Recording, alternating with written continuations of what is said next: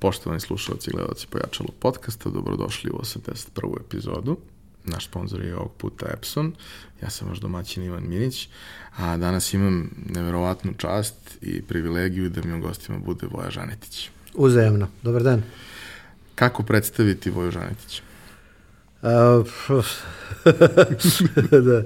Ja sam jednom mom drugaru predlagao da ispod svog imena i prezimena na vizit karti stavi boldovano njegovo ime i prezime. Zato što jako je teško reći šta čovjek radi kad radiš nekoliko stvari istovremeno, pa evo i u tom slučaju je i kod mene teško. Ja sam našao neku, neku formulu koju ću uskoro da iskoristim za svoj website, da sam ja neki 4K tip komunikacije, konsulting, komentar i četvrto beše uh, kreativnost.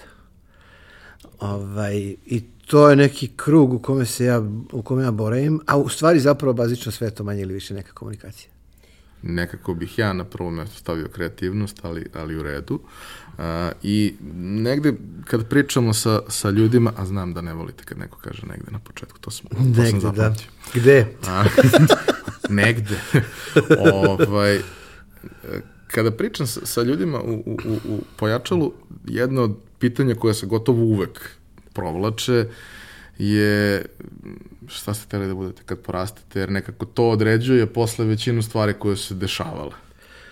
Kad, pa, kad sam bio, što bi rekli, mali, onda sam je neko, bio sam pri, poprilično bolestan. U smislu, svako malo nešto sam oboljevao i nisam išao u školu i tako da, tako da.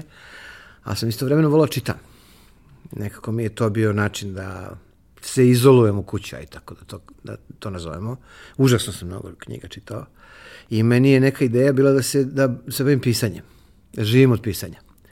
I u stvari kreiranje tekstualnog kontenta s oprostenjem, da izvinete na toj reči, tekstualnih sadržaja, bi bilo nešto što bi se moglo reći da jes moja del, de, delatnost kojom se bavim i da od toga živim. Da, da, da to radim. Znači, na neki način sam ostvario ono što sam teo. Moguće da nisam to ostvario baš tako da imam neke knjige, jer ih imam jako malo. Dve, na primjer, tri, pardon. Ali, ovaj, ali uspevam da, da, da zaradim od toga. Eto. Često ljudi koji, koji imaju ozbiljnu neku količinu uh, i književnih dela i nekakve polustručne literature i slično, uh, objašnjavaju da je pisanje knjige poduhvat koji je dosta drugačiji od nekakvog klasičnog pisanja koje je da kažemo da li u nekom formatu kolumne, kratke priče, nečeg slično, da, da, da se knjiga gradi i, i nekako planira na potpuno drugačiji način. Postoje ljudi koji sednu i napišu knjigu, ali to nije baš uobičajena praksa. Zašto vi niste napisali više knjiga? Uh, distrakcija bi bila ključna reč. A to je kad sam svoje vremeno studirao filozofiju, inače je nisam i završio, završio sam komunikologiju, ovaj, um, onda mi je bilo potrebno, recimo, šest meseci da pripremim kako treba da ispit. Da me niko ne dira, ne gnjavi, da ne idem nigde, da ne radim ništa drugo i tako da, tako da. Zašto treba mozak svoj da ustrojiš ka, tom, ka toj građi. A, kad god sam nešto pisao, a, a pisao sam scenarije za filmove, indeksova pozorišta, televizijske emisije i tako da, tako dalje, imam toga, nego nisu knjige, prosto su ono, druga, druga vrsta materije. Uh, jedini uslov koga sam sam sebi postavljao jeste bilo da nemam distrakcije. I onda sam svojim ljudima sa kojima sam radio u agencijama ili otko znam gde, govorio da me neće biti dva ili tri meseca, četiri, pet ili šest i tako da, tako dalje. I to je bio razlog prvi zašto nisam uspeo da napišem više, jer jednostavno se bavim aktivnostima koje zahtevaju nenormalnu količinu distrakcije. Znači, raditi sa klijentima i sami znate je distrak... o to, na, na, na, na ulazku u ta vrata piše distrakcija, mislim, ono, da te nešto ometa, da te neko zove, da ti neko nešto traži i tako dalje, tako dalje. E, ja se evo već desetu godinu kunem da ću sebi uspeti da obezbedim uslove, da nemam ometanje. Uh, I nešto sam na putu da to tako i bude. Drugi, izvinite na opširnom odgovoru, drugi razlog je zato što nisam uspeo da nađem ono što je strašno važno, a to celog života sam nešto pokušao da tražim, nisam uspeo da nađem svoj, po znacima navoda, tone of voice. Znači, način kako se obraćam u, u materiji koja nije kolumnistička, koja nije direktno obraćanje ljudima koji čitaju novine ili web sajtove ili već ne znam nija šta. A, lice iz koga se govori, na, ton kojim se obraćaš i tako dalje, tako dalje. To je sve potrebno učiniti da bi, da bi se to stvorilo. I za to je tek potrebno da nema distrakcije, odnosno treba ti jedno dva meseca prethodne pripreme i, i brojnih takih proba, pokušaja, pogrešaka da to uradiš, a to ne može. Da imam, a imam, uh, kako bih objasnio, sad ću da vam kažem i to, imam povremeni običaj da uplatim loto. sa idejom da ako dobijem, onda ću sam, sam sebi da kupim to vreme. Znači, za od ostali koji bi kupovali kuće, kupovali stanove, ne znam šta, ja bi sebi kupovao vreme. Svako ko hoće nešto, ja bih dao pare da bi ne, ne traži ništa. A, jedna od stvari kada, kada se baviš pisanjem i kada radiš to za klijente, ok, neke stvari radiš i za svoju dušu, ali i kada radiš za klijente, ti pokušavaš e, da se obraćaš publici na način na koji i jezikom koji će ona razumeti. Dakle, ti to pišeš uh, uh, primjenjeno pisanje. Pišeš to sa ciljem, ali ne pišeš to na način na koji bi ti to voleo da kažeš. I onda ne, nekako mi se čini da kad stalno se rade takve stvari, kada, kada stalno se šaltaš između persona iz kojih pišeš, da, da ti je potrebno neko vreme da se iščistiš od toga da bi uopšte mogao da nađeš to što... što Možeš što da se iščistiš i ovako i onako. Samo je pitanje koji je zadatak. Znam o čemu pričaš, pošto to, to, me, to sam mora da vežbam. Ima neki film sa Kevinom Costnerom, gde on uh, igra bejsbol. I pre nego što će udariti taj važan, on baca, kako se to zove, pitcher, ja? On baca loptu, ovaj, onda pokušava da, da nema ni publike, ni stadiona, ni ničega. Znači, pravi jedan mentalni vakum oko sebe da bi nešto mogao tako da uradi. I valjda to svi mi radimo kad treba da izvedemo nešto. I onda je, onda je ta vrsta koncentracije potrebna za sve. Zato što ti ostatak, taj neki ostali, taj frame pravi, pravi, pravi ta publika koje, za koju to radiš. Kada radiš za klijente, onda ti, to je tvoja publika. Ili, ili recimo malkice transponirano dalje, publika klijenta je tvoja publika. Znači, on, kad pišeš tekstove za reklame, onda pokušava da shvatiš kako to treba da vidi onaj koji to treba da kupi. Kad pišeš za generalnu publiku koja čita novine, onda pišeš za publiku koja kupuje tu novinu. Mislim da, da, da, da, bi, da bi ti nekako njih... Uh, I Mičko i ja smo svoje vremeno razrešili jedan uh, naš kreativni izazov, što bi rekli ovi moderni menadžeri, a to je davno, davno smo utvrdili da kad radimo neki posao, da moramo da nađemo 5% gledalaca koji, koji će tražiti bisere. I da za tih 5% napišemo nešto, nešto malo toga da bi oni imali zbog čega da, zbog čega da gledaju. Jer ako nema tih 5%, onda nema faktički ni publike, nego ima neka tako masa, mislim. I onda mi uvek tražimo, kad radimo, a ja posebno e, e, za svoj deo posla, Mičko za svoj deo posla, to zrno tih 5%. Ne znam se ja to dobro objasnio, ali, ali to je, kako da kažem, jedna kompleksna materija. Inače smatram da sva pitanja koja mi pričamo ovde, malkice grešimo što pokušavamo da ih svedemo samo na jednu dimenziju. Znači ima nekoliko faktora koji su jako važni, ja sam evo sad ovde objasnio tri, minimum.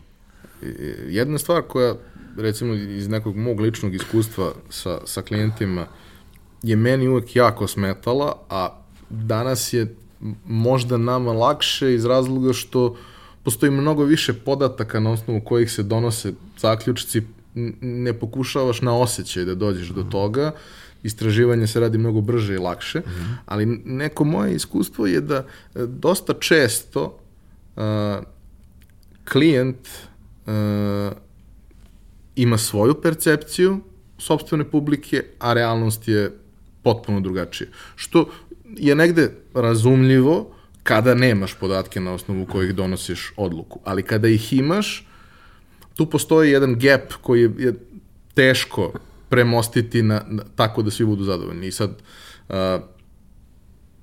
vrlo često to znači da kampanje koje su menadžmentu fantastične, publici ne budu ni izbliza toliko, toliko dobre, ali uh, nekako kroz, kroz celu karijeru uh, radili ste stvari koje su bile izuzetno vidljive, jako dobro rezonovale. Kako je izgledalo to u kontekstu toga da nekoga ipak treba ubediti da je to dobro rešenje? Da li uopšte bilo toga da, da, da, da je potrebno ubediti klijenta? Vrlo malo. Vrlo malo u mom slučaju. Ja, ja gledam da se koliko je god moguće srodim sa ljudima za koje radim, za koje treba da formiram tekst, jer su oni mene zvali da ja, e, da ja elaboriram ono što oni malo nisu baš ni željni da rade, a, a možda čak ni vični. I onda me pozovu da, da nešto uradim i onda gledam da se srodim sa, nje, sa perspektivom i, i znate, ponekad ima političke perspektive, ne samo te komercijalne. Ponekad, to, ponekad čovjek nešto traži zbog toga što želi nešto da, da uradi unutar svog, svog nekog kolektiva. Moj prijatelj, sve vremeno, baš prijatelj, mi je rekao da, da treba da, da mu pomogne da se napravi medija plan za njegovu kampanju takvu, a inače radi muške brijače, da, da ih ima u ženskim serijama, ovim španskim. Ja rekao, šta ćeš tamo, pa tamo nema ni jednog muškarca koji će da ti vidi. Kaže, treba mi da vidi moja žena. Realan problem. ja sam rekao, aži, ok, napravit ćemo. Ovaj, tako da je to jedan deo. Drugi deo je, radio sam s Jelisavetom Bijelić ko, s kojom živim, koja me odavno naučila da je klijent uvek u pravu.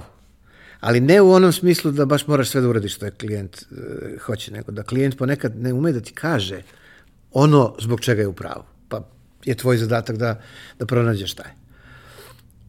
I nismo mi, mi se malo i žalimo na, na, na naše klijenta, ali ne znamo mi šta je muka. Ja sam upoznao jednog čovjeka, arhitektu, koji je tri puta Miri Marković gradio kupatila tokom istog renoviranja kuće na Dedinju i, svaki, i dva puta mu je srušilo zato što se nije dopadalo. A on ne ume da vidi sa crteža. pa dobro.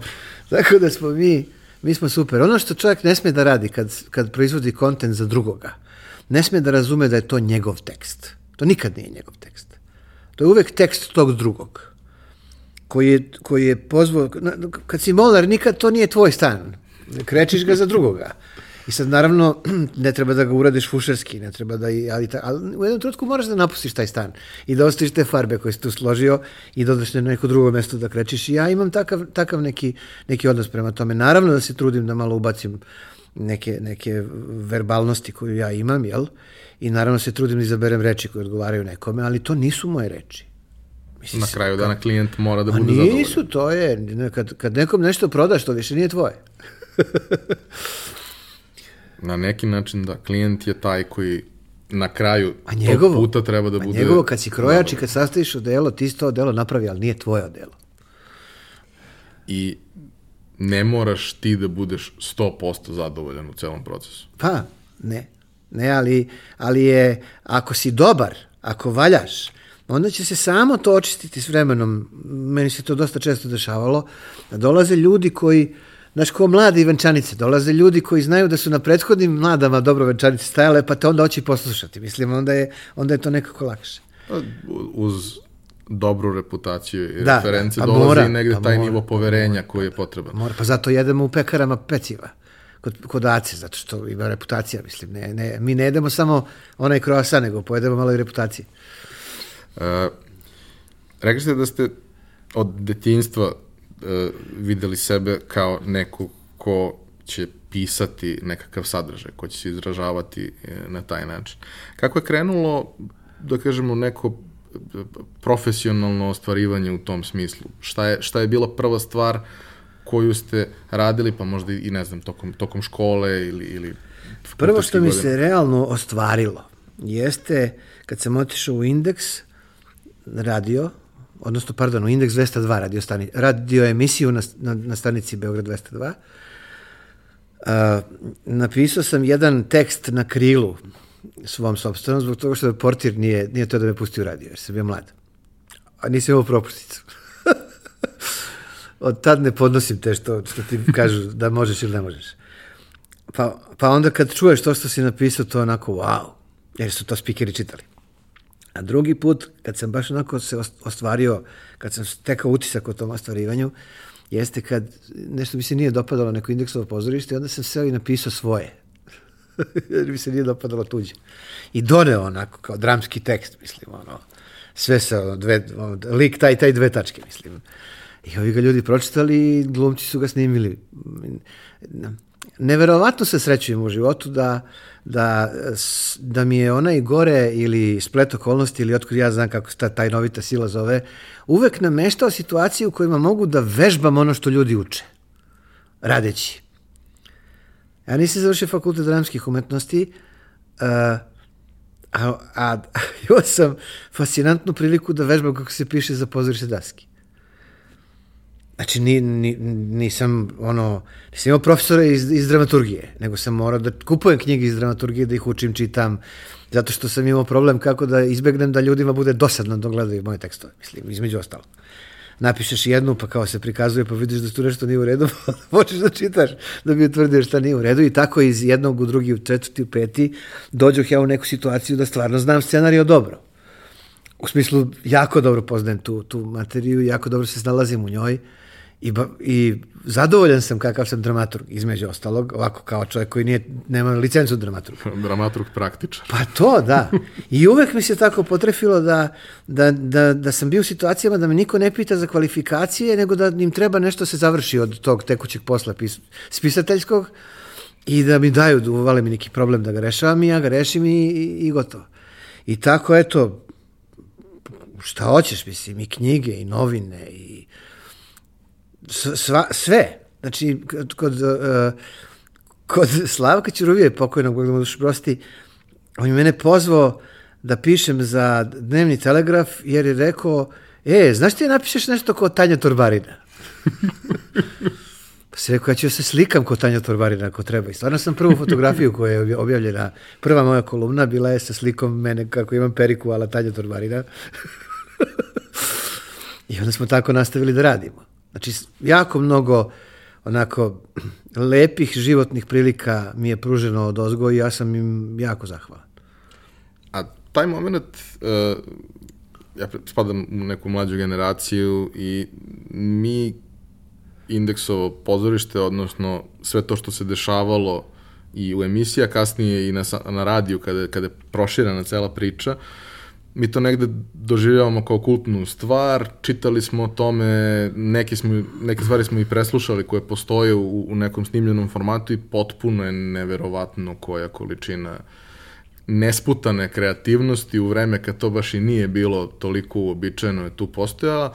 Nešto slično je postojalo i u Sarajevu, nešto slično je postojalo negde diljem bivše zemlje, ali taj indeks je potpuno i ljudi koji su to pokrenuli i kako se to razvijelo i posle generacije koje su dolazile su potpuno neverovatne. Kako je bilo, kako su se ti ljudi našli uopšte i otkud vi u toj priči i kakvo je to iskustvo kada radiš takve stvari neko, neko duže vreme i imaš slobodu da zaista, zaista budeš svoj.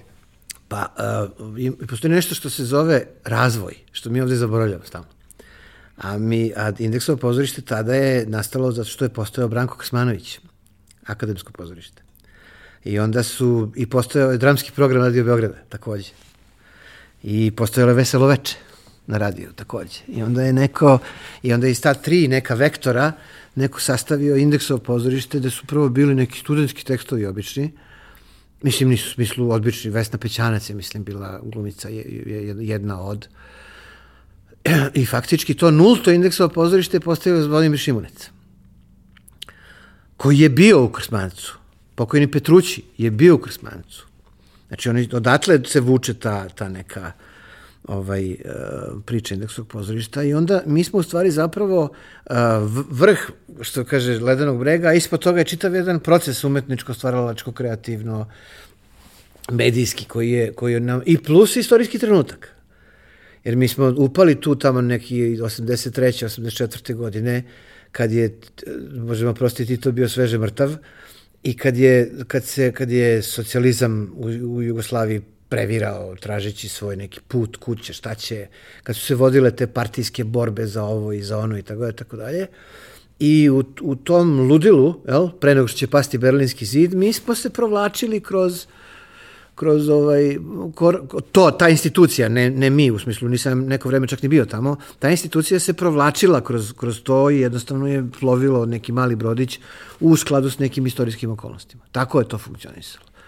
I to je uvek neki splet okolnosti koji tako, se, tako je funkcioni, tako je proradio i, i Sači gde sam ja bio copywriter relativno kratko i gde je Mićko radio takođe neko vreme i tako da.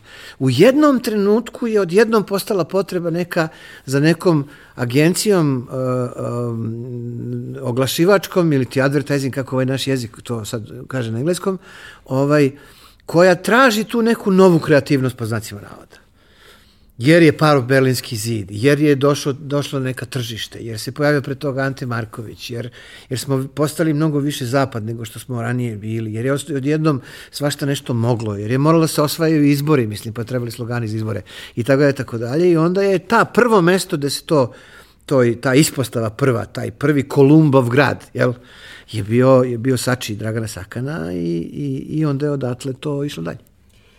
Ono što, e, kada gledam i, i, i slušam, pre svega slušam te sadržaje, ono što nekako meni deluje e, sa strane je, a verujem da nije bilo tako, zato, zato i pitam, deluje kao da je to jedna, jedna predivna, genijalna improvizacija. A ne verujem da je bila improvizacija. Verovatno je bilo improvizacije u tome, kao što je i Zoran Radmilović improvizovo u okvirima nečega što je postavljeno, ali kako je zapravo izgledao kao kreativni proces u trenutku kad prosto beskrajno ste kreativni, ali nemate Govorimo neku preveliku... Govorimo Su... Da, da. Pa to počne u, u, u sredu pre podne u klubu Radio Beograda da se dogovaramo šta bi mogla biti tema.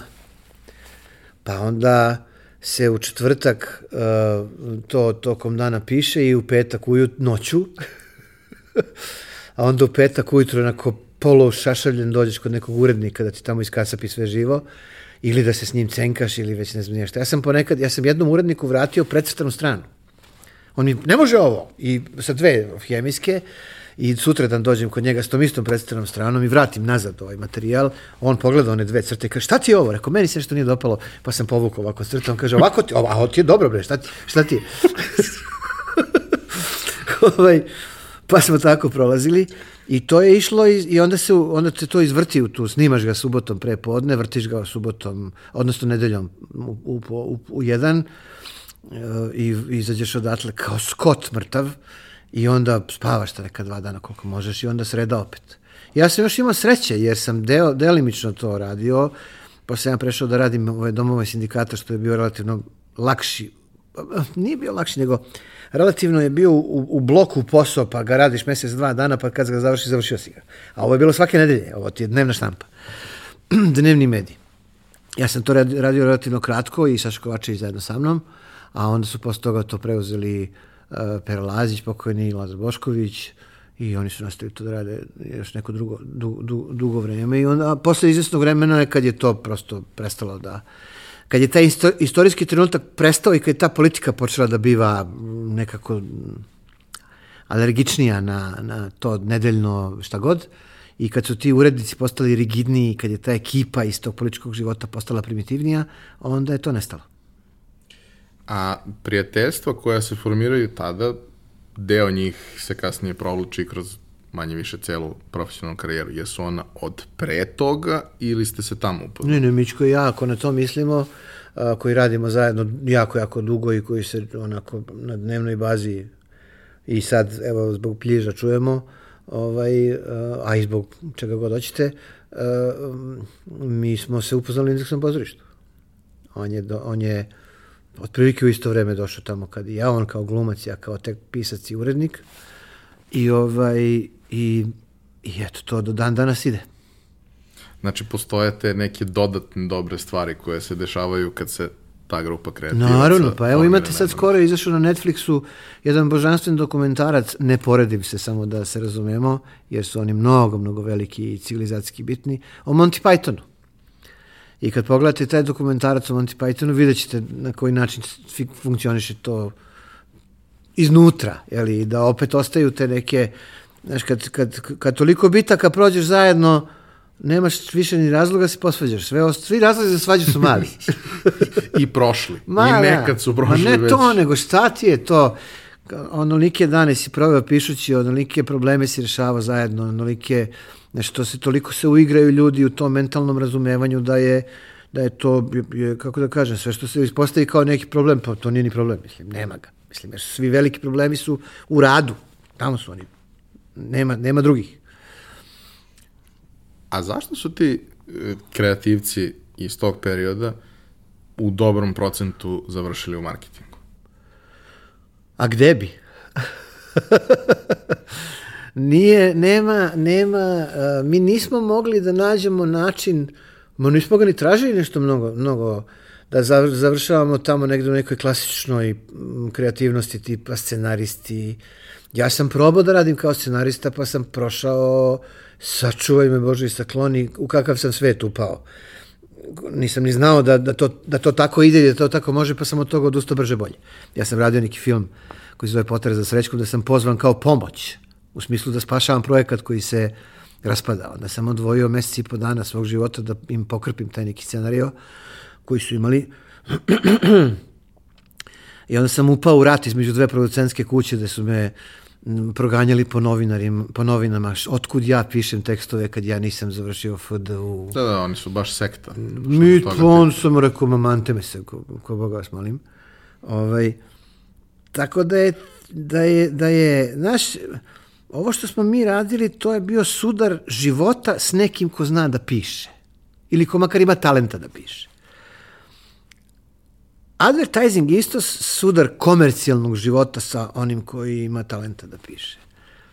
Možda vrlo lako se desi da, da u, umetnosti, u ostatku, jeli, je, je, je suženo polje sudaranja života i, i onih koji pišu. Zato što je to prosto kako da objasnim, mislim, ni, mi, mi smo s ulice došli. U smislu s ulice, ono, iz ovog običnog života. Mi nismo došli iz, iz fabrike proizvođača umetnosti.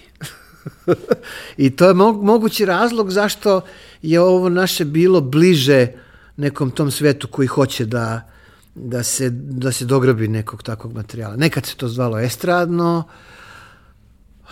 ali će se ispostaviti da nešto mnogo toga što smo ranije smatrali da je estradno sad uopšte više nije. Znaš, čak se sam sebi čudim kakav je to proces, jer ne mogu se oslobodim Boni Ema na radiju. koji je ono pozoru, tad kad je to bilo, daj, skloni mi bre tu glupost, a sad ne možeš ono svako malo pa ti izbije ta. To postoje evergreen. on to odjednom postade. Sve što nikad nisam slušao, to je odjednom postalo to. Jako je kompleksno i, i, i zaguljeno i ne bih volio ni da ispadne kao da se sad ja nešto tu raspravljam o, o položaju mene u umetničkom svetu. Tako se jednostavno potrefilo. I mislim da je tako što se mene tiče u ovom trenutku i bolje, uh, jer sam imao mnogo, mnogo, mnogo više meni interesantnih bitaka i mnogo više razloga za dobijanje energije i mnogo više svesti o, o, o realnosti ovoga napolju, posebno u oblasti političkog marketinga gde sam takođe se švercao malo, ovaj, nego, nego da sam bio u čauri.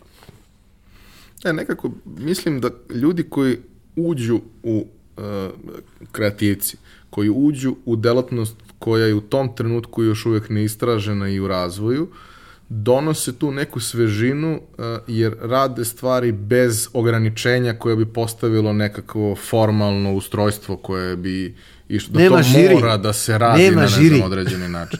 Jer će ga profesor sa fakulteta prokleti ako vidi da je uradio na drugačiji način. A ovde imaš slobodu da to uradiš onako kako misliš da treba i da, snosiš punu odgovornost za to, ali bar snosiš za svoje, a ne za nešto opterećeno tonom nekih ograničenja koja, koja nameću drugi. Možda, a moguće je da postoje spore delatnosti i brze delatnosti. Da je roman spora delatnost i da roman zahteva nekakve, nekakvu, nekakvu društvenu zajednicu romanopisaca po znacima navoda koji će određivati standarde, škole, klasicizam, neoklasicizam, sad ja lupetam, mislim, ono, romantizam, neoromantizam, postmodernovo, ono, levo, desno, pa se sad kao tu malo striktnije poštuju neka pravila. A ove brze delatnosti, da- da- koji podsjeća malo i na gerilu, one zahtevaju ljude koji imaju nešto manje, manje pravila, jel? A u hokeju imamo to. Znate, ono kad se menjaju one petorke, pa ono jedna petorka je za napad, druga petorka je za odbranu. Ovde prosto, da bome, ovde govorimo o dve različite vrste doprinose sve zajedno i našoj kulturi. I ponekad se sretnu. Recimo, Ridley Scott je i bio i, Tom Scott posebno, su bili ljudi koji su iz advertisinga dovukli neke tehnike uh, u, u film. Ali oni su i dalje radili film. Znači, oni nisu radili velike reklame. I kad dođeš tamo u film, onda ima neka, neka procedura, postoji, ima neki, od, od pre hiljadu godina čitači scenarija, ima neka pravila, ima nešto ovo levo, desno i onda u tom slučaju ta neka gerilska alternativa tu ne pije vodu. Znate, kad, kad se uloži 500 miliona dolara u nešto zbog čega će ljudi da trpaju one kokice u usta u bioskopu, onda prosto vjerojatno mora postoji neka procedura. A postoji neki zanat koji Pa stoji ne. iza svega toga. Neće niko, kako da kažem, neće niko talentovanom limaru da da, da, da, da, da, da pravi space shuttle. Iako je on talentovan i on može svašta da napravi, niti skulptoru, nego mora neka procedura da postoji. Niti hirurg. I u tom slučaju ne treba, ne treba biti, kako bih rekao, ni, ni, ni mnogo za jedno, ni mnogo za drugo, nego kad dođeš u takvu neku situaciju da, da si u jednoj školi, po znacima navoda, onda se ponaša i tako, ako si u drugoj školi, onda se ponaša i tako, i tako dalje, tako dalje. Advertising je, da odgovorim i konačno na vaše pitanje, u jednom trenutku bio jako nova delatnost. I tražio je sveže ljude, koji mogu brzo da urade, promene.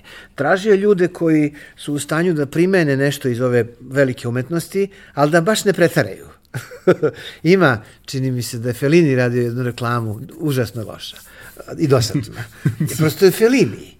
Ali recimo, na primjer, John Cleese iz Monty Pythona je uradio genijalne reklame, baš upravo zato što nije bio iz filma, po znacima navoda, nego je bio više na ovoj strani tih novih kako bih rekao, pupećih umetnosti, tako da to nazovem. I onda u tom slučaju je zapravo advertising na izvestan način postao umetnost 20. veka. Ono što je obeležilo našu civilizaciju krajem 20. i početkom 21. veka, ono što je nju obojilo, oformilo i tako da tako dalje, a to su to su, na- znate, kad pogledate slike iz, iz 20. veka ranijeg, onda nema billboarda. A billboard je nekako dopunjava vizualnu sliku grada u kome se nalazite i onda je jednostavno ta, ta je naš, na, evo recimo oblasti outdoora vam oglašavanje nešto dođe kao neka vrsta prolaznog, prolazne arhitekture. Znači, staviš jedan plakat jedno vreme i on pije vodu pored neke zgrade, onoliko koliko može, onda prosto toga dođe drugi plakat i ti kažeš, pa dobro, može i ovo isto. I, I onda on postane neka vrsta popunjavača tih rupa u arhitekturi, jeli, koje, koje je konzu- konzumerizam realno stvorio. Iako postoji neka ružna zgrada, uvek može da se zakloni billboardom. Pa može i to, da. da. Znači, da, da, da, o, konzumerizam koji je ojačao i hiperprodukcija koji su ojačali tokom kraja 20. veka, u drugoj polovini 20. veka, su stvorili zapravo potrebu za primenjenom umetnošću u ovakvom smislu kakav, kakav je advertising. E, naravno, nažalost, su stvorili potrebu i da sad neko očisti u planetu od kesa i đubreta, ali sad vid- vidjet ćemo šta ćemo s tim. A kako izgleda ta tranzicija u, ovih prethodnih 30 godina od toga da je to nešto novo, gde šta god da uradiš malo drugačije, ne baš bukvalno, ali mnogo je lakše bilo pridobiti pažnju ljudi do toga da danas je gotovo nemoguće zadobiti pažnju ljudi. I prosto prva i, i, i osnovna stvar po kojoj bi se nekako merila u, uspešnost neke kampanje je da su ljudi primetili da postoji, pa makar i po lošem, ali bar su primetili. Statistika kaže da uh, 87% svog svih oglasnih poruka ne budu primećene uopšte, 9% bude primećeno u negativnom kontekstu, a samo 4 u pozitivnom. To je jedna od 25 stvari koju vidimo ili čujemo. Pa to vam je ko soliter na Manhattanu. Prvog se još neko i seća. Najvećeg se možda neko seća. Ona dva što su srušena se možda neko seća. Ali novog solitera na Manhattanu koji nema nikakvu specijalnu odrednicu se prođu pored njega i kažu o, još jedna velika zgrada. Nama se, nama se promenio jako svet u kome živimo i pre svega se promenio što je na, na naše do sad poznate displeje su došli novi.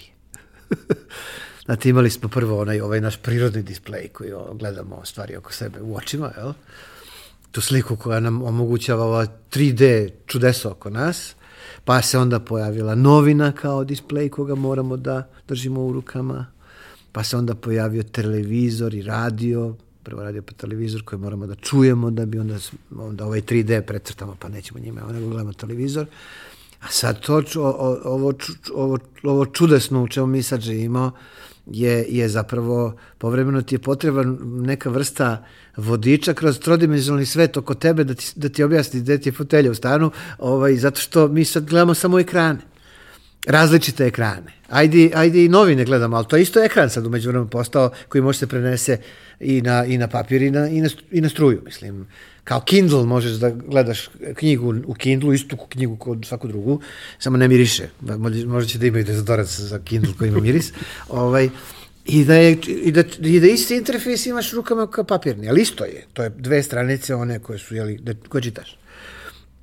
E, dakle, u tom obilju displeja, mojih prvo, i u obilju sadržaja na mom displeju, i u toj prokletoj lajni koja ide stalno gore, menjaju se poruke, stavimo da li ima nešto interesantno, pa onda čitaš 16 šit, šita najstrašnijeg, da bi naišlo jedan onako kao prihvatljiv polu. Ovaj, u, tom, u tome nestaju poruke. Nema ih. Vrlo, vrlo je, ali se, ali se s druge strane rađa nešto drugo. Rađaju se emiteri poruka, koji su sad odjednom, to su ovi influenceri raznorazni, jel? Ovaj, koji, koji su odjednom, sad nije važno šta si napisao, ja imam, ja imam eksperimente. Napišem nešto ja, pustim preko mreže i potpišem se, napišem nešto ja i pustim preko nekih mojih prijatelja preko, preko, preko mreže i, i ne potpišem se i ne, različite su reakcije na ono što nisam ja onako, a na ono što sam ja, što kaže neko, je komentarisao, kaže ovaj čovjek stavi za, zarez ono, kao poseban post, jer ga je zaboravio i onda dobije 16 lajkova, mislim, zato što gore piše ko je. Što ne znači da se ja sad nešto preponosan što sam po, po, popularan, nego prosto kažem kako, kako to funkcioniše. E dakle, u tom smislu je teže primetiti, nije samo poruku, i nije samo tekst, i nije samo knjigu. Znate, u Americi čini mi se izađe godišnje 250.000 novih naslova, čini mi se. U Kini, oho, više. Pa ko će da nađe knjigu u 250.000 naslova da valja? U smislu, treba, ali treba 2 milijarde dolara da se on izreklamira da valja knjiga da bi neko rekao, a, to je ona knjiga što valja. Tako i sa porukama, tako i sa muzikom. Kaže, nema muzike ko što je bilo nekad. Pa ima, nego ne možda je nađeš.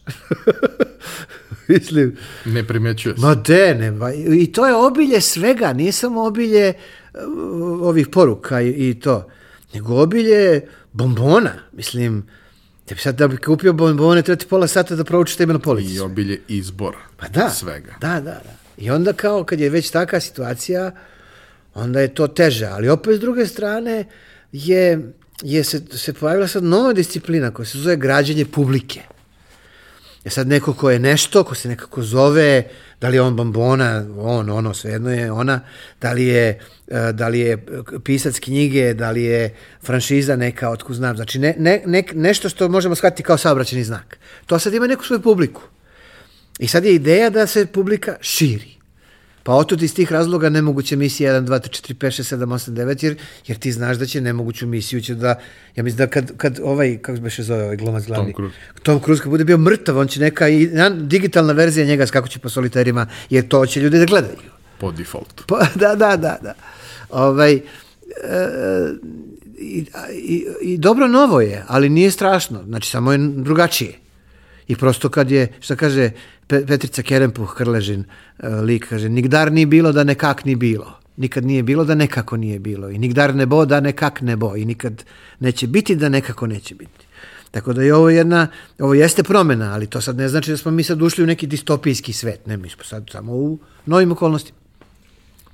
Kada sam sa, sa uh, studentima na, na FMK, iako sam predavao predmet koji suštinski nema toliko veze sa time, ali pričaš sa mladim studentima marketinga i pokušavaš da predmet koji je upravljanje uh, projektima staviš u kontekst onoga što će raditi, da ih upoznaš sa tehnologijama, sa ljudima koji će, s kojima će se sretati, profilima s kojima će se sretati i tako dalje. I onda negde kao, okej, okay, dobro, sve smo to prošli, ajde sad da pričamo malo o platformama, jer kao, ok, digitalni marketing, ali neće se samo baviti digitalnim, nego će se baviti marketingom koji je danas interaktivan manje više kroz svaku vrstu oglašavanja. I onda neke dobre prakse iz prošlosti pokušavaš negde da, pre, da preneseš tim klincima, oni baš, ako nisu gledali Mad Men, oni ne znaju šta se dešavalo na ovaj, Madison Avenue na Manhattanu u 60. 70. godina. Mene je to mnogo zanimljivo, ja to istraživo i pre serije, onda je došla serija pa mi je bilo zabavno dodatno. I sad, postoje ono, postoji DDV-eva kampanja za Volkswagen koja je najbolja kampanja 20. veka i oni za to ne znaju. Kažemo, ok, ajde da je analiziramo, ajde da je analiziramo i da vidimo da li bi to radilo danas. I bi uz minimalne adaptacije, to su neke, kako je to Bermak volio da kaže, simple timeless human truths. Da, da. I samo malo zahteva prilagođenja novome, ali te neke stvari koje su urađene van serijski tada su suštinski večne.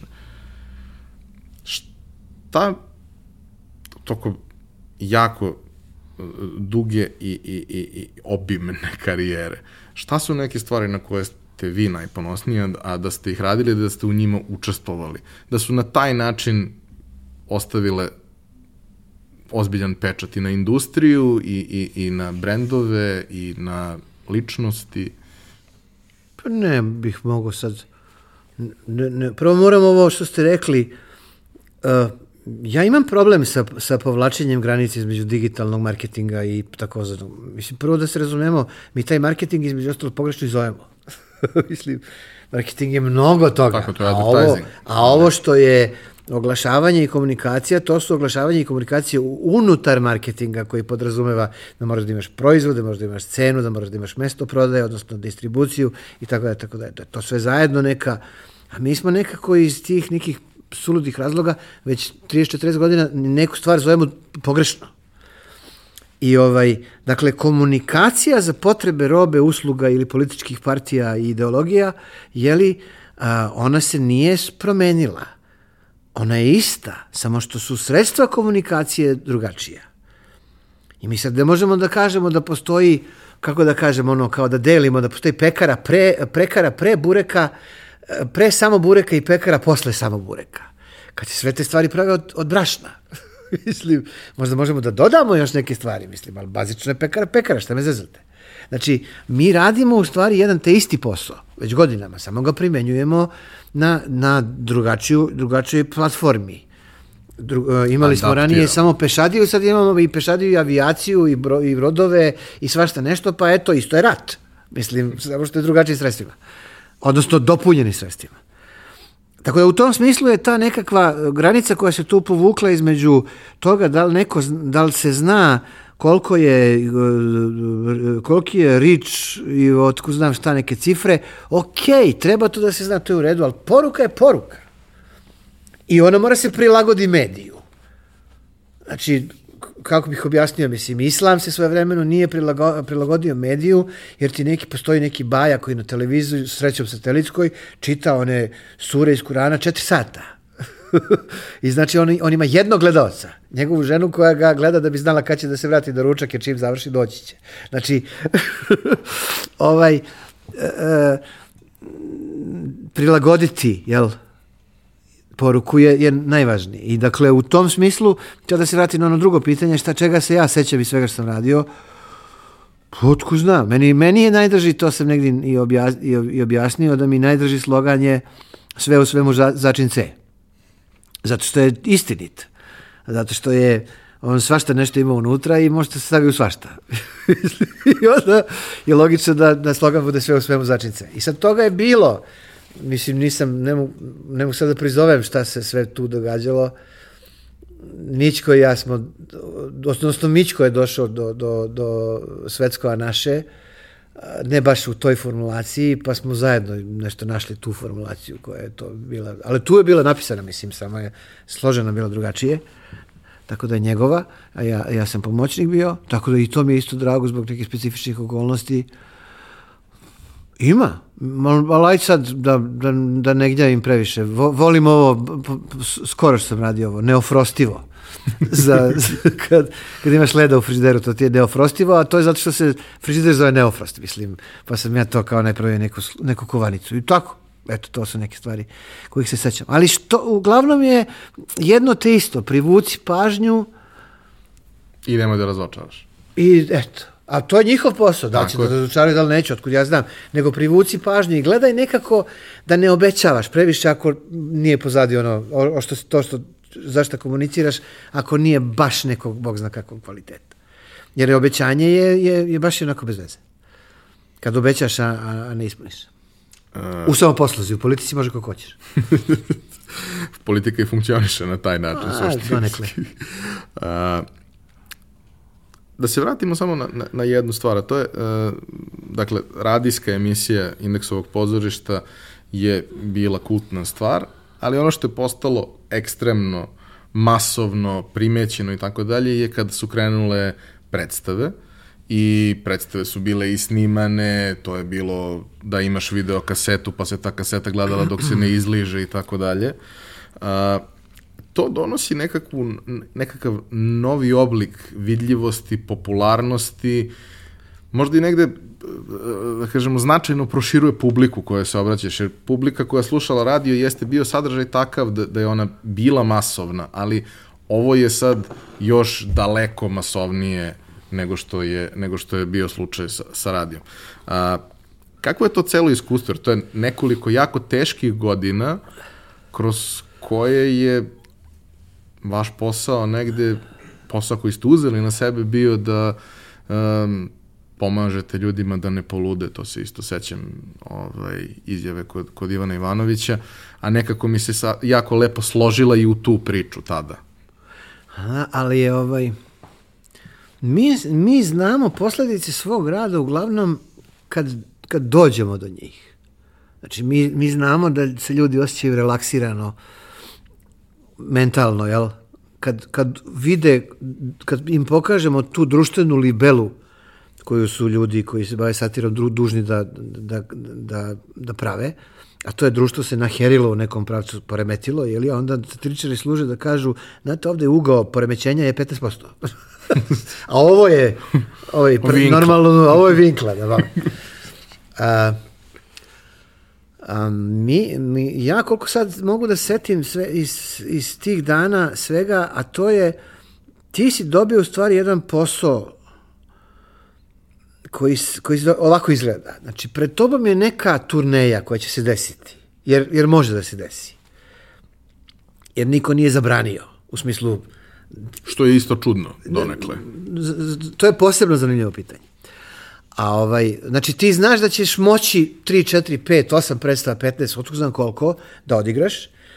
I ti znaš da si dobio šansu da to što si nekad radio na, na radiju, radiš pred živom publikom. Tu šansu su iskoristili recimo svoje vremeno, ne poredim se, i Monty Pythonovci koji su pred publikom radili ono što su radili na televiziji. S tim što čak nije ni bilo na radiju, nego bilo na televiziji. E, i onda ide zadatak od dva meseca, a to je da stvoriš pretpostavku da se to nešto desi, da stvoriš tekst iz koga će proizaći probe, pa da na probama to nešto malo središ, pa i, i tako dalje, tako dalje. I to je bio jedan, to je bio veliki posao, jedan u kome ti već polako ne postaješ svestan samo istorijskog trenutka u kome se nalaziš, nego, nego te oborete, salomite taj posao konkretan koga imaš. I onda smo mi tek kad, a, a, i to radiš sa nekom idejom da, da budeš čestit prema ljudima koji te gledaju, da ih ne, ne, ne izvaćariš, mislim, da, da budeš, da im kažeš nešto što ima nekog smisla. Naš prvo, prvo pozorište koje sam ja pisao, indeksu u Domu sindikata, je bilo bazirano na tome da veliki lideri bivše Jugoslavije, koji, koja se raspada u tom trenutku, su zatočeni u ludnici. Jedan je Napoleon ubrazio da Napoleon, drugi ubrazio da je Hitler i tako dalje, i tako dalje. I sad oni ono, osvajaju svoje imperije. A šaka jada Balkanskog. I tek smo sad. Ovaj, e onda kad se, to, kad se završi, kad ti to počneš da, da prikazuješ ljudima, onda iz tog feedbacka shvatiš šta si uradio, koliko je to ljudima značajno. Ti pretpostavljaš, ali ne znaš. I tako jednu, drugu, treću, petu. Dok nismo došli u jednom trenutku u, u jednu potpuno božanstvenu situaciju da je Mićko posle ovog trećeg svetskog rata, ovog bombardovanja, napisao gomilu pesama Sećam se. koje ni, za koje nije postojao način kako da ih se uveže. I onda smo se Mićko i ja dogovorili na koji način ćemo to da uvežemo i koji će likovi da budu unutra. U stvari, bit će dva lika, bit će Mićko i Bićko, kao njih dvojica, i bit će policajac Petrući, koji im sme, smeta da održe predstavu. E, taj smo tekst radili tako što nije bilo teksta. U smislu, ja sam dolazio sa napisanim zadacima šta treba da radim, jer sam to iz, između ostalog i režirao. I onda smo, onda smo, kad uhvatimo neku, neku ja kažem, evo ovo je situacija. Aj sad pričajte. Unutar te situacije, vas dvojica igrate vas dvojicu, a ti Petrući igraš policajca. I trebalo bi da ovde uradiš to i to. daj, a ti im Da, da, da. I trebalo bi da uradiš to i to, jer smo imali nekakav razvoj te dramaturgije, ali smo imali napisani tekst. I onda iz te interakcije sam ja zapisivao šta smo tu dobili kao rezultate, za svaki slučaj ako neko zaboravi i rekao sam, sad zapamti šta si to rekao. I tako smo, znači prvi, prvi put smo radili tekst bez teksta. Eto, toga se isto sećam. Ali u, u, u- ukratko, mislim, jako mnogo sećam. Ali ukratko, znači, je, je posao bio da napraviš nekakav proizvod za gledanje koji mora u sebi imati dramaturgije, pa se čita dramaturške knjige, koja mora imati u sebi nekakav tempo, koji mora imati u sebi tačno određene delove koji treba budu tačno određenom minutu, minutu predstave i tako dalje, tako dalje. I, I to je bilo to. I, i, i, I drago mi je između ostalog, mi smo strašno bežali od toga da se, da se razumemo kao pozorište. Mislim, Znači, to nismo pozorište. Nećeš ti sad da ideš tamo da se takmiči sa, sa Danilom Batom Stojkovićem, mislim, koji je za tebe ono... Ali smo bili ovo na neko off, nešto. Ne znaš tačno ni šta je to nešto i onda je taj žanr, po znacima navoda, koji se uzgobučno više nije ni ponovio. Nema sad toga više. Taj žanr je nekako ostao za- zapamćen da je to to. I pritom smo ga sami napravili. A, kako izgleda, to je, to je prva stvar koju radite gde imate feedback publike u realnom vremenu. Da. Bilo je uvek bilo feedbacka i na ono što je pre toga rađeno, ali ti dok to radiš, ne znaš šta će da se desi. Pričao sam to iskustvo kad, kad sam probao da, da, da radim kao sportski komentator, ovaj, gde, gde je to meni delovalo kao, ok, imam iskustvo je sa scenskim nastupom, nije problem, a ovde kao, da, da, to je sve isto. Pa nije isto, sediš kao ludak i pričaš u crnu kutiju i ne znaš ništa i ne znaš da li si udavio publiku, nego moraš da izgodiš taj osjećaj Ja, da. mnogo je lepo imati feedback ako je on pozitivan. A, ali nekako to je ljudima bilo jako važno. Čini mi se da je to ljudima u tom periodu bilo jako važno jer im je omogućavalo da prebrode užase ko, koji su se oko, oko dešavali. I e, uradili ste mnogo predstava. Da li postoji nešto čega se sećate što vam je stvarno bilo značajno od tih događaja koji se dešavaju oko toga? Nisu deo toga, ali se dešavaju oko toga. Pa ne znam. Pamtim da smo išli putem Beograd-Niš, kad je počeo rat u stvari. Da u našem pravcu nije od Beograda do Niša doš, išao niko i da mi nismo pretekli nikoga, niti je niko pretekao nas od Beograda do Niša. Na prazna zemlja, zaključana, zatvorena, uplašena toga, to, to, to je baš onako slika koju, koju teško mogu da zaboravim. Onda, mm, iz moje perspektive, ja nisam, ja nisam igrao, sam u prvoj, o, toj, kad su bili u Ludnici, igrao sam lekara. Doktora, da. Ali nema veze to, nije, čak nije imao, imao ni teksta. Ali u ostalim predstavama, ono čega se sećam jeste a, da tih premijera koje, koje su meni bile jako teške, jer ja sam bio van rova. I, I nijedno nisam gledao. Nego sam se šetko ispred vrata, i, a, a zašto vrata? Važno je da bih čuo da se Da smeju. se čuje, da. Da se smeje publika. Ono što, što mi isto je, je nešto, jedna stvar koju, koja, je, koja je onako zapamtljiva, to je neki naš zajednički zaključak da nikad ne znaš čemu se ljudi sve smeju. Dakle, napišeš neki fazon sa idejom, ovo će bude smešno, će razvoli ono oko, he, a onda se desi nešto tu na toj predstavi, neko nešto lupi kaže i tako dalje. Čak možda nešto i napiše se tu, što odjednom postane smešno, ne zdržaš. I onda to je nekakav, jako, inače je to težak zanat, mislim, u smislu terati, terati, pisati ljudima nešto da se smeju. To je mnogo, mnogo teško. mnogo teško nasmejati veću grupu ljudi da se, da se oko pa nečega te, okupe ni, i da, nasmeje. Da, prosto moraš da, imaš između ostalo, moraš da imaš tu neku ljubav, ljubav ka smehu. Znači moraš da i tebi, brate, bude nešto smešno. U smislu, ne možeš ti da napišeš smešne stvari ako sam sebi ne smeješ. Ja, ja makar mislim. I onda je to, to se između ostalog osjeća sad u pljižu kad radimo. Zato što, da, zato što je ovaj, to čak po, ja stalno objašnjavam da i na ulici objašnjam, to me ljudi pitaju, kaže se ti namešteno smešano, jok brate, nego ja ne znam. Mi se dogovorimo da kad je, kad je nešto što je taj, da, kad će da čita govor uh, u liku, u liku kad će Mićko da čita uh, pismo NJKV-a upućenog povodom slučaja Desanke Maksimović, mislim, onda se mi to dogovorimo da će da bude, ali ja ne znam šta će sve Mićko unutra da stavi.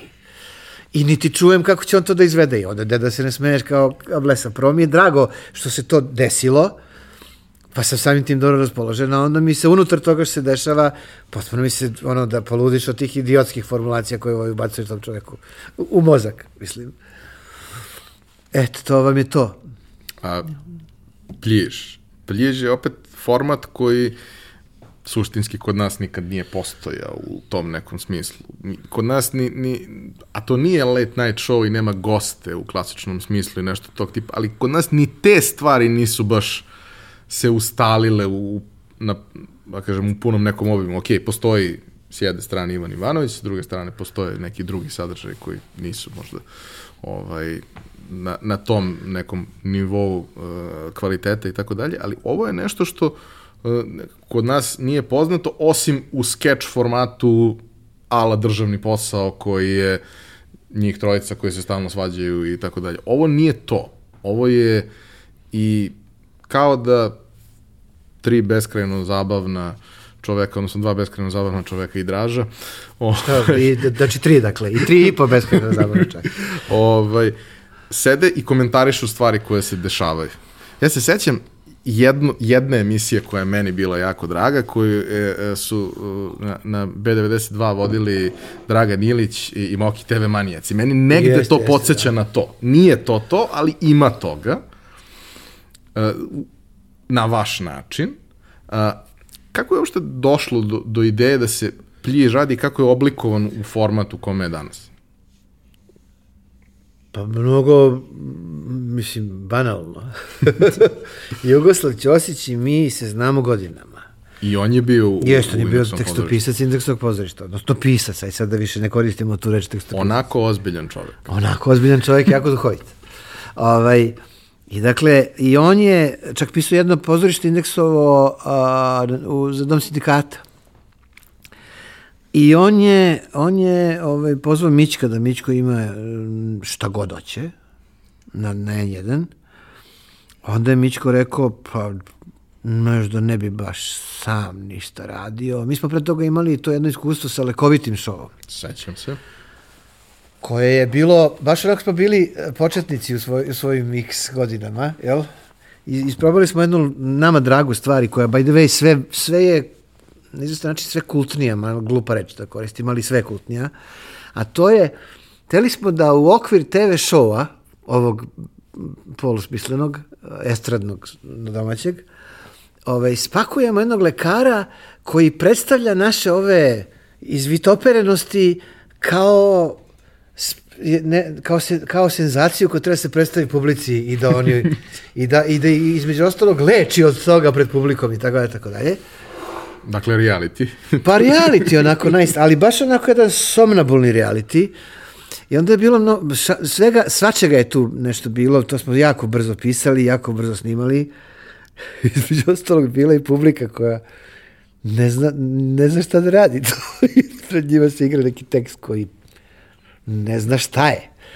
I sve u svemu, dakle, to iskustvo smo imali sa lekovitim šovom koji sad, koji sad prolazi na, na, na internetu fenomenalno jer je u stvari zapravo bio avangardan u tom trenutku, užasno je bio avangardan i sad je to neka vrsta antiformata. I onda da se ne bi izložili ponovo istom tresu, pre svega Mićko, uh, smo rekli ovde neće biti ni publike ni gostiju. U nekom trenutku je Draža, re, ovaj, Jugoslav rekao, ali, ali može i Draža s vama? Mi smo rekli, pa što ne bi mogo, mislim, ono, još bolje, trojica nas je. I onda smo svašta probali, kao da budemo tri čoveka za onim, znaš, da sedimo onako za onim pultom iz vesti, da ovo, da ono, ništa nije funkcionisalo. Dok nismo slučajno na jednom snimanju seli nas trojica u neki studio i seli ovako kako sedimo sad u pljižu, tri stolice jedna preko puta druge, i U Mercedes znak. U, da, bome. I počeli pričamo o nečemu. I shvatili smo da je taj trougao, je li, u stvari zapravo ključna stvar, porazgovarali sa naš, mojim poznanikom Dukanom o tome kakva tu scenografija treba, čovjek rekao treba tri fotelje i, i garnišne, mislim. I, i mrak. da, pa onako, jel?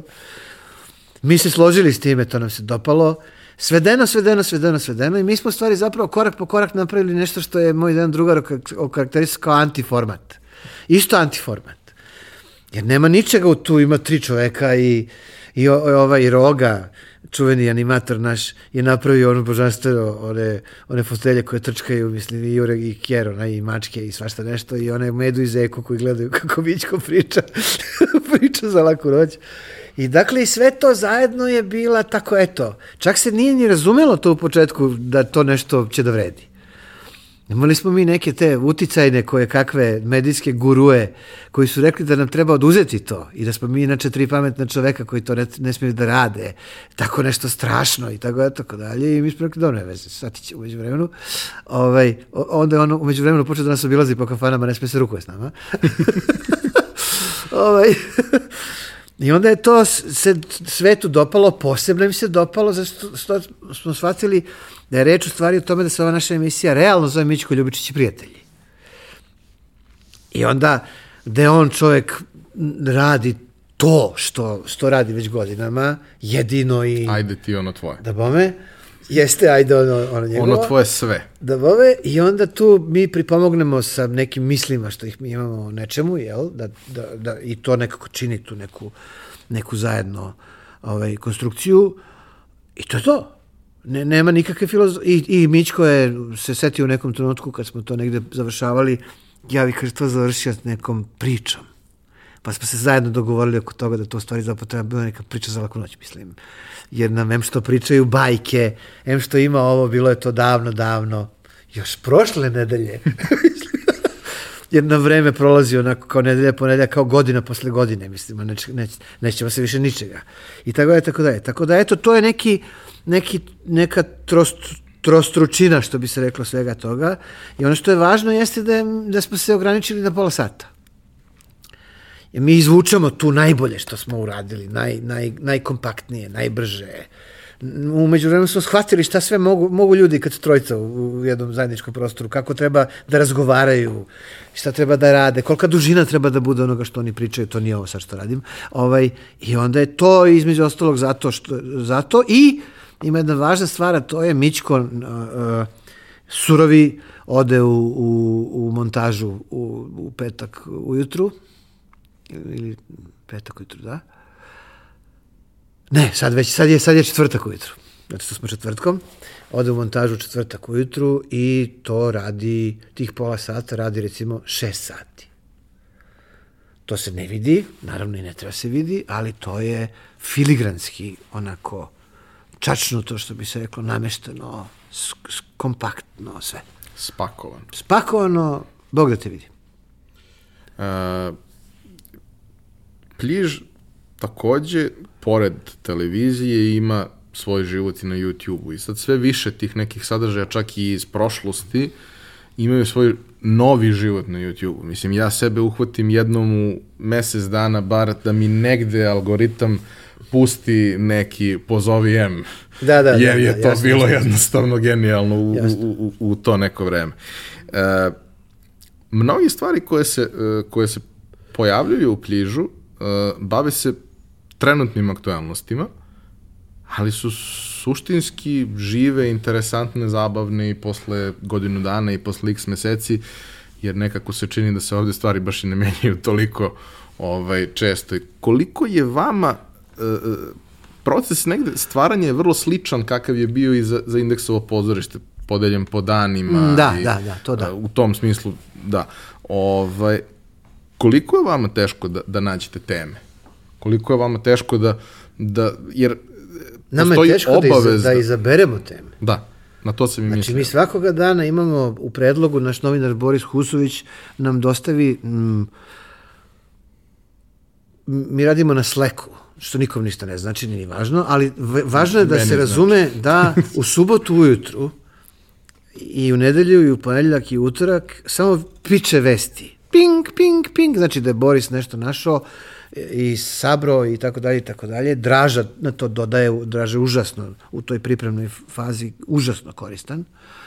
Ovaj, jer je, jer je no, baš je novinski čovek i to je blago jedno što Na izvoru. što ga mi imamo. Ovaj, I e, onda, onda je problem odabrati četiri.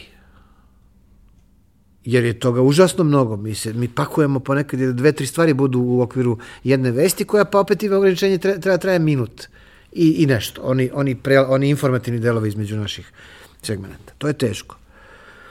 A inače nije teško uh, uh, uh, o, mi smo se izveštili malo, pa ćemo i još više, nadam se, izveštili smo se u ne, ne, nečemu što, što ja zovem stilska vežba. Mi, mi stalno pričamo o istome. Ovo je jedna te ista vrsta sistema, Apsurda. ma ne, jedna ista vrsta mesta. Znaš, ima onaj čuveni, bio hotel Bristol kod železničke stanice. Znaš, i onda ti kažeš, jel bi mogao hotel Bristol da ima, ma ne može, kad je tu.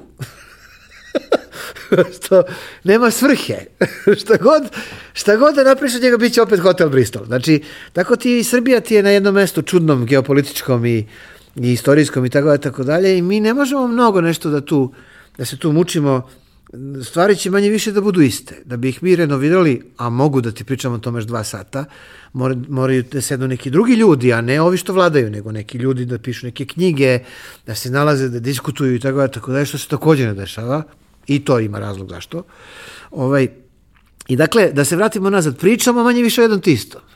Znači o jednom de, debeljuškastom istorijskom trenutku od jedno 20 i nešto godina je trenutak koji je tu. I sad taj trenutak ima neke svoje dimenzije, neke svoje i tako dalje. Pošto mi gledamo taj istorijski trenutak koliko dugo koliko gledamo, nama nije teško da prikažemo novu situaciju iz novog ugla. Znate, nekoliko nedelja pre nego što će u Srbiji da se odlučuje uh, je li vlast autokratska i u kojoj meri, što su ovi izbori sad u stvari bili, koliko će ljudi da izađe na izbore, koliko neće, koliko će ljudi da pokloni na tim izborima vladajuće partiji, koliko neće, i, od ovih što ne, ne bojkotuju i tako. Pa smo dobili ovako absurdne rezultate kako smo ih dobili. E, u, u sred svega toga, znači dve ili tri nedelje pre nego što će biti izbori, neko je ubacio u srpsku javnost priču o tome da je Desanka Maksimović izbačena iz, iz nečega. I srpska javnost se "Oh, Desanka, ma, podigla se za Desanku da brani, jedni da je napadaju, drugi da je brane, usk, u, ova, us, uskobeljalo se to sve živo, ali pazi, a ovde s druge strane Godzilla. a mi se Desankom bavimo. I onda mi, u, kad, pošto znamo koja je težina te Desanke u medijima i ovoga svega što se dešava, mi odlučimo da o njoj govor na, na, na, pročita njegovo kraljevsko veličanstvo koji ne zna srpski. I na taj način kažemo ljudima Aman bre, vi ste ludi bre, smo mi svi ludi, ne ljudima, nego svima nama. I ovaj, i to je neka metodologija. Znači to je, ali ona, ona zahteva, mene Mičko tera već tri ili četiri, otko znam koliko vremena, sada da, da, da ne, ne, ne licitiram dok se ne prisjetim dobro, da napišem knjigu iz politike. Da, da, da, da, da, da to što ja osjećam o političkoj situaciji, što mogu da strpam u neke, kako da kažem, kategorije koje su van humorističke, jeli? Ja predajem by the way političku komunikaciju na fakultetu, ovaj, da to spakujemo neki, neku vrstu vodiča kroz ovo ludilo ovde, pa da kao ljudi i to čitaju. Nego, ko velim, ajde, ne moram sad, to, to mi je osnova za pljiž, pa da, da ne budem provaljen poslić. Da, mađioničari ne bi trebalo Pa da, eto, time se, dakle, malo dugačak odgovor, ali time se mi ovde bavimo. Mi se bavimo jednom svojevrsnom političkom analitikom koju pakujemo potom u, u, u humorističku formu. Ja sam malo više na strani analitike, i Draža još više zbog prosto njegovog tog novinskog dara za, za celu priču.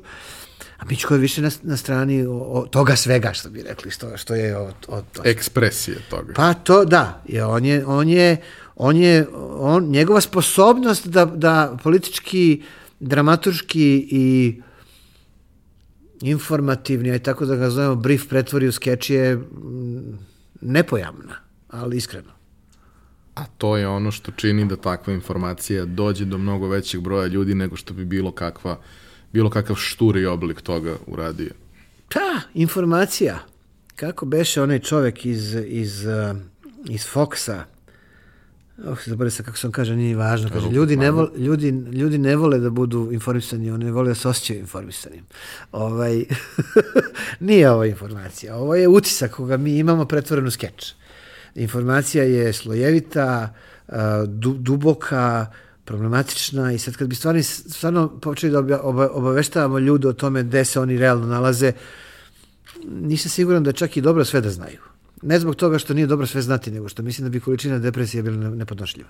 Ali možda nije loše da se ponekad zapitaju nakon što nešto pogledaju ili odslušaju. Da, to da, to svakako. Ali ja mislim da je funkcija libele mnogo značajnije. Znači da je to pitanje iskrivljenosti. Znaš, libela nema ideju da ispravi zgradu. Ona ima ideju samo koliko, da pokaže da koliko je kriva. E, to, to je ono što ja mislim da je naš, naš poznacima navoda posao. Zadatak, misija, profesija, aj tako kažemo, talenat, struka, ne znam kako to nazove. Esnaf, aj tako ću. Za kraj, Vojo, pitao bih vas samo o, o tom delu koji ste baš i malo prepomenuli i meni je to nekako trenutak da, da zaokružimo priču, a to je a, rad sa studentima, što je nešto što uglavnom ljudi koji ne moraju to da rade, to rade zato što vole, i to rade zato što imaju potrebu da nešto prenesu i da pokušaju, možda ne da nekog nešto nauče, ali možda negde da ga osposobe da misli svojom glavom i da ima nekakav malo jasniji okvir ovaj, stvari. Uh, koja je bila vaša motivacija, kako izgleda iz, iz sadašnje perspektive rad sa, sa studentima? Opet situacija koju bi neko poklonio. Znači, Nada Popović Perišić me je pozvala na fakultet.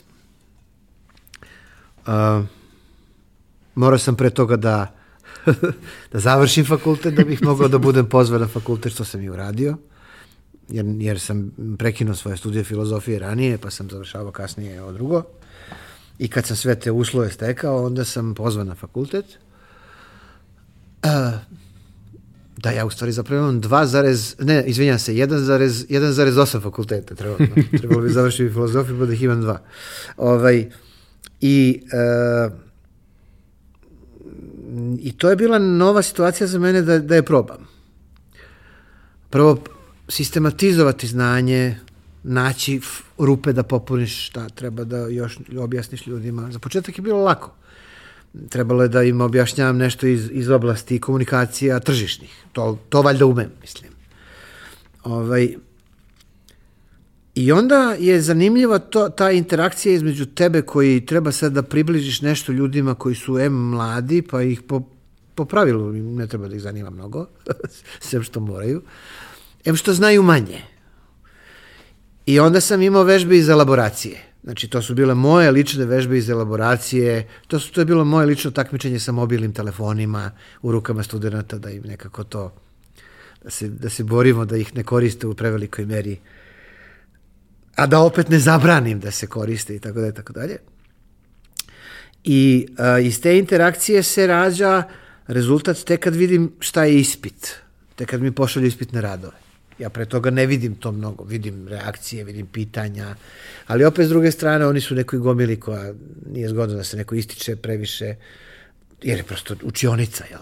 To je, oni su smešteni u poziciju publike, pa i čak kad je interakcija, onda je to u stvari zapravo više socijalna igra nego što je interakcija između svih njih i tako dalje, tako dalje. I ti rezultate vidiš kada, kada ti dođu ispitni radovi. Ja sam užasno bio zadovoljan ne samo s time što sam uradio, nego, nego, nego fascinantno je šta sve tu unutra piše. Na, da se razumemo, možda piše i, i bez veze. Mislim, u smislu ima svakako nekih ljudi koji, eto tako, prođu. Ali ono što je dobro i oni, ono što je kvalitetno, ti nekako si u fazonu, wow, šta je ovo? Kakvi su ovo ljudi? Neko novo, neka, novo, novo nešto. I ovaj, to je meni, i onda sam prosto, kako mi se to dopadalo, jel? a i nije mnogo težak posao, jer sam, kao što vidite, pričljiv, ovaj, onda kao uzmem i drugi predmet, pa i treći, pa evo i četvrti sad. I sad ja ovog momenta imam jedan, dva, tri predmeta koji, sa, sa, gde sam nastavnik veština, je li to mogu da budem, ovaj, gde ljudima kažem, prenosim moju praksu, a šta mi to omogućilo? To mi je omogućilo da učim. Jer kako sam ja morao sad njima da, da stavim šta sam, ja, šta sam ja radio u životu, ja moram da nađem sad teorijsku potvrdu za to što sam radio. Pa onda moram čitam neke knjige da tražim neke citate i tako da tako dalje. Tako da sam ja u stvari zapravo svojim studentima zahvalan šta sam ja sve naučio onome što oni moraju da znaju od mene. to, to, to. Vi ste znali da je to tako, ali niste znali zašto je baš to tako. pa, delimično da, delimično ne. Moraš nekako da stvoriš neku bazu teoretsku iz koga to što ti njima prenosiš ovaj, to, a ponekad recimo moraš da, da nađeš, da, da kreiraš, ja imam predmet koji se zove tehnologije i tržišta kreativnog mišljenja, gde se bavim takozvanim kreativnim studijama, odnosno studijama kreativnosti. To je jedno mnogo zanimljivo područje, koje kod niko živ se, skoro niko se time ne bavi. I ovaj, I onda sam, sam, sam se načito predivnog materijala i knjiga i svega i da bih to napravio kako treba. Takođe i političku komunikaciju sam zaokružio kao neku vrstu jako do, dobrog studenti fakulteta za medije i komunikacije i ja smo, ja mislim, skoro jedini koji se razumemo u političku komunikaciju u Srbiji. U smislu, znamo šta je osnov svega što se trenutno dešava, znamo zašto je to tako. Mi smo ti na jedan način predkomunikacijsko društvo, inače. I mi, nažalost, mi, mi, mi smo u situaciji da, da je uh, izučavanje komunikacije i kreativnosti kao nekakvog dela tog ukupnog kosmosa, da je to neka ezoterija koja mi smo ti kao, kao kako bih rekao, ko da, ko da izučavamo svinjetinu u Teheranu. Znači, se bavimo se nečim čim se niko ne bavi. Ali to je tako, eto. Tako da sve zajedno, da se vratim na početno pitanje, volim to, mislim da ću da radim više na fakultetu nego što sam radio do sada, a, mislim da ću probati da napravim jednu čvršću instituciju na fakultetu koja se bavi komunikacijom. Mi smo jedno jako važno mesto u Srbiji, jedino, jedino kvalitetno mesto u Srbiji koja se time bavi i mislim da je vreme da komunikacija uđe na velika vrata u ovu, ovu zajednicu. Mi smo mnogo poraza pretrpeli zato što ne znamo da se bavimo komunikacijom. Mnogo, previše. Baš kad je Lazar Džamić, koji takođe predaje na FMK, bio, pričao je jedno vrlo zanimljivo iskustvo o tome kako je izgledalo kada je otišao u, u Englesku i shvatio na koji način oni komuniciraju o stvarima koje su važne, na koji način daju feedback i da se vrlo često dešava ljudima odavde koji dođu tamo da e, suštinski ne razumeju šta je osoba sa druge strane rekla, zato što je ona to rekla na jedan malo drugačiji način nego baš u čelo i kako to mi obično ovde s neba pa u rebra radimo. Dok oni to malo uviju, ali ako si tamo, tebi je savršeno jasno da to možda nije bila pohvala, a ti si je doživeo na, da, na taj naravno, način. zato što imaju komunikacijske prakse i sredstva za komunikaciju i pažnju sprem komunikacije i teoriju komunikacije i praktičare komunikacije i, i mm, svašta nešto razvijenije nego mi ovde. Ja sam imao čast veliku u životu da sam se upoznao svoje vremeno sa Radmilom Šalabalić. Radmila Šalabalić je jedna od naših najznačajnijih prevodilaca uh, u Srbiji. Jako obrazovana i, i vrlo, vrlo načitana žena i, na kraju kraja veliki prevodilac. I ona je meni u jednom od razgovora uh, koji smo imali na Filosofskom fakultetu rekla, kaže, znate, Vojo, mi imamo ovde problem da se recimo, na primjer, bavimo filozofijom, mi nemamo dovoljno reči za filozofiju za razliku od, od komšija naših koje, koje su prihvatile taj e, nemački način sklapanja novih reči, pa još nekako mogu da se snađu. Znate ono, okolo kućno, vodo... jeli, što se mi zazamo ovde, mi malo slabije imamo razvijenih reči, jer, jer je prosto se manje smo stizali da komuniciramo, manje, manje smo se bavili naukama, manje, znači prosto mlada, mlada nacija, Mislim, a pritom mlada nacija koja nije odrasla u krilu Austrougarske monarhije, nego mlada nacija ova, sirota ovde na ovim, s puškom u ruci. I ovaj, I onda mi je ispričala slučaj jednog profesora koji je, zahvaljujući pogrešnom prevodu, doktorirao. Jer je, jer je preveo pogrešno jedan termin kod, ovaj, kod Heraklita i napravio ceo teoriju od toga, od pogrešnog prevoda. I na kraju je doktorirao na toj pogrešnoj teoriji i kaže, ja nemam srca mu kažem. Tako da, ovaj, da je, da je, da je komunikacija kod nas je jedna relativno zapostavljena delatnost koja, pravo da vam kažem, i s pravom je zapostavljena. Kad smo mi pa stizali to da radimo? Kakav je dijalog potreban društvu koje stalno ratuje? Pa nikakav. Te oslobodilački ovaj, te oslobodilački onaj, te prvi balkanski, te onaj balkanski, te prvi svetski, te onaj svetski. Te, te, te pročistite Tito, te, te pre to te pročisti kralj Aleksandar. Znači, kako kažem, jako, mnogo, mnogo nama, nama, je, nama treba Trocki da se digne spomenika, ne Stefan Nemanja. Jer mi smo jedna, jedna zemlja permanentnih revolucija. I, I taj spomenik je još je i Nemanja nizak, koliki bi Trocki trebao da bude.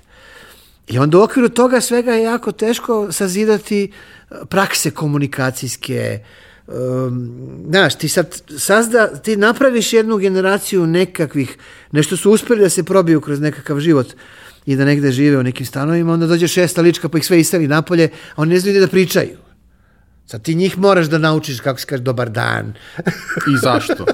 I zašto? I tako da je, tako da je. Tako da je iz tih razloga, i tako na svakih 10 godina nova šesta lička. I tako da iz tih razloga komunikacijska praksa je, je, se, je poremećena. I zbog toga smo mi i tako banalizovani ovde po pitanju komunikacije, zato što prosto nismo imali kad. I, naravno, iz tih razloga, stepenik po stepenik, stepenik po stepenik smo ušli u situaciju degradacije komunikacije. Nama sad komunikacijom upravljaju vandali. A da li mislite da ima malo veze i sa tim da je vrlo teško objasniti nekome odavde da nije u pravu i da je i za to negde pristup kao i za ono uh, pamet je najbolje raspoređena stvar na svetu, niko neće reći da ima manjak pameti. Nije, znate, to je, je i delimično ste u pravu, ali delimično možda malo i, i treba se dopuni to. Uh, nema, nema manira na divljem zapadu. Nego koji prvi potegne pištolj, taj pobedi, ovaj drugi će da, da, da, da, da, da, da bajka, da mu pogrebnik uzme meru. Znači, prosto, za, za kvalitetan dijalog je potrebno je, je potrebno ono da nema, da se vratimo na početak ovog intervjua, da nema distrakcije. Ovo društvo je u permanentnoj distrakciji. Taman se nešto, puf, rat jedan. Taman se nešto, puf drugi. Taman se nešto, pada neki berlinski zid. Taman se nešto, taman se nešto. Stalno je taman se nešto. I iz tih razloga nema, nema, mi smo vam jedan, jedna užasno prometna politički destinacija, što bi se reklo. Nama, nama, kod nas bi bilo politike da nema geopolitike, koja nam ne da da bude politike. Evo, vidite šta imamo, a ko podržava. Opoziti. Ovaj, te u tom smislu je, je, je, je potrebno možda to o čemu vi pričate, sad, sad namestiti na neko drugo mesto skriveno. Znate, nekad, je, nekad su uh, monasi prepisivali stare knjige. Sad možda treba i monasi da prepisuju bon ton. Nisam siguran koliko bi se primio. Ne, ne, polako, iz veka. Onda posle nekoliko vekova dođe neko kome bon ton treba, u tom smislu. Vojo, hvala. Nema na čemu. Hvala što ste me pozvali. Bilo je zadovoljstvo.